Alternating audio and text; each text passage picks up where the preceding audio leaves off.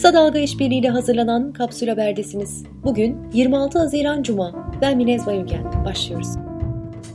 Çorlu'da 25 kişinin hayatını kaybettiği, 300'den fazla insanın da yaralandığı tren katliamıyla ilgili davanın 5. duruşması bugün görüldü. Duruşmaya katılan aileler mahkemeye tepki göstererek salonu terk etti. Katliamda oğlu Oğuz Arda Seri kaybeden anne Mısra Öz, adliye önünde mahkeme heyetine ben sanık oluyorum, hakimler 3 maymunu oynuyor, bir kişiyi bile tutuklayamıyorlar diyerek isyan etti. Öz bu esnada kendisini kamerayla kayıt altına alan polislere de tepki gösterdi. ABD Dışişleri Bakanlığı terör raporunu yayınladı. Raporun Türkiye ile ilgili bölümünde hükümetin kapsamı geniş terörle mücadele yasası uyarınca bazı özgürlükleri ve hukukun üstünlüğü unsurlarını kısıtladığı belirtildi. Raporda şunlar yazıyor. Savcılar terör ve ulusal güvenliğe yönelik tehdit kavramlarına ilişkin tanımları genişletti. Böylece gazeteciler, muhalif siyasetçiler, aktivistler ve hükümeti eleştirenler yargılanıyor. FETÖ, ABD'nin terör örgütleri listesinde değil. Hükümet FETÖ ya da terör bağlantılı oldukları gerekçesiyle çoğu zaman yetersiz delil sunarak kişileri gözaltına almaya ve tutuklamaya devam ediyor. Melih Gökçe'nin en büyük projem diyerek 750 milyon dolara yaptığı Anka Park'ın hurdaya dönen halini Fox Haber görüntüledi.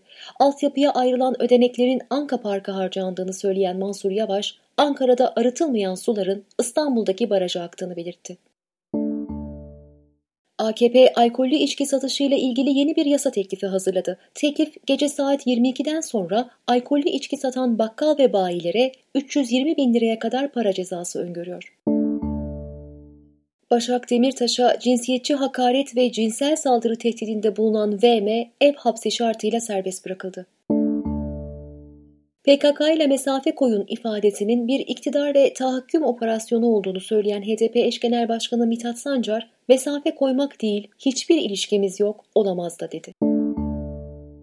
Antalya'nın Kaş ilçesinde doğal sit alanı statüsündeki iki büyük parsel imara açıldı. Bölgede kısa bir süre önce yangın çıkmıştı. İstanbul'da şehir hatları vapurları 31 Ağustos 2020'ye kadar 10 ila 16 saatleri arasında 5 kuruş olacak. Ada seferleri uygulamadan muaf tutuldu. Kars Belediyesi sokak köpeklerinin beslenmesi için aşevi kurdu. Baro başkanlarının savunma yürüyüşünde avukatları taciz eden inşaat şirketinin inşaat ruhsatının bulunmadığı ortaya çıktı. Venedik ressam Bellini'ye ait olan 3 Fatih Sultan Mehmet portresinden özel koleksiyondaki tek örnek Londra'da yapılan açık arttırmada satıldı. Tabloyu yaklaşık 8 milyon lira ödeyen İstanbul Büyükşehir Belediyesi satın aldı. Sırada güncel Covid-19 verileri var. Bugünkü vaka sayısı 1458. Son 24 saat içerisinde 21 kişi hayatını kaybetti. Böylece toplam vefat sayısı 5046'ya yükseldi. Dünya Sağlık Örgütü, dünya genelinde durumun kötüleştiğini, Avrupa'daki 11 ülkede normalleşmeyle beraber aylar sonra ilk defa vaka sayısında hızlı bir artışın olduğunu açıkladı. İzmir genelinde maske takmak zorunlu hale getirildi.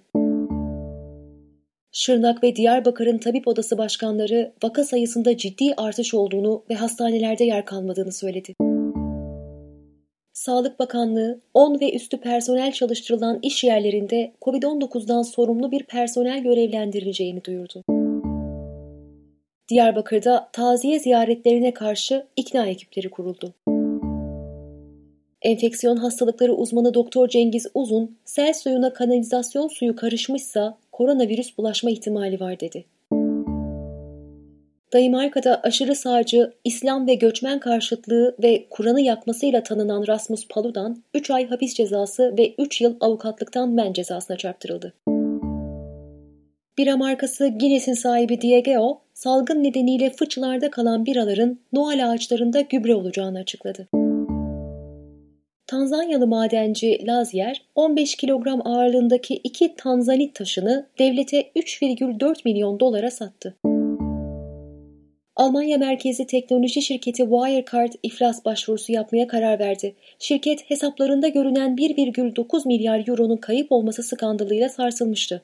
Olay sonrası CEO Marcus Brown istifa etmiş, ardından da gözaltına alınmıştı. Yapılan araştırmalarda bu paranın aslında hiç var olmadığı, Brown'un yatırımcıları çekmek için gelirlerde manipülasyon yaptığı tespit edilmişti. Dolar üzerinden geçiş garantisi verilen köprü ve otoyollarda ikili ödeme dönemine geçiliyor. Buna göre hazinenin konsorsiyumlara yaptığı garanti ödemesi yılın ilk yarısı için Ekim ayında, ikinci yarısı da izleyen yılın Nisan ayında yapılacak. Günün sözüyle kapatıyoruz. Kapıkule'den yıllık izinlerini geçirmek için Türkiye'ye gelen gurbetçiler. Korona olacaksak vatanımızda olalım.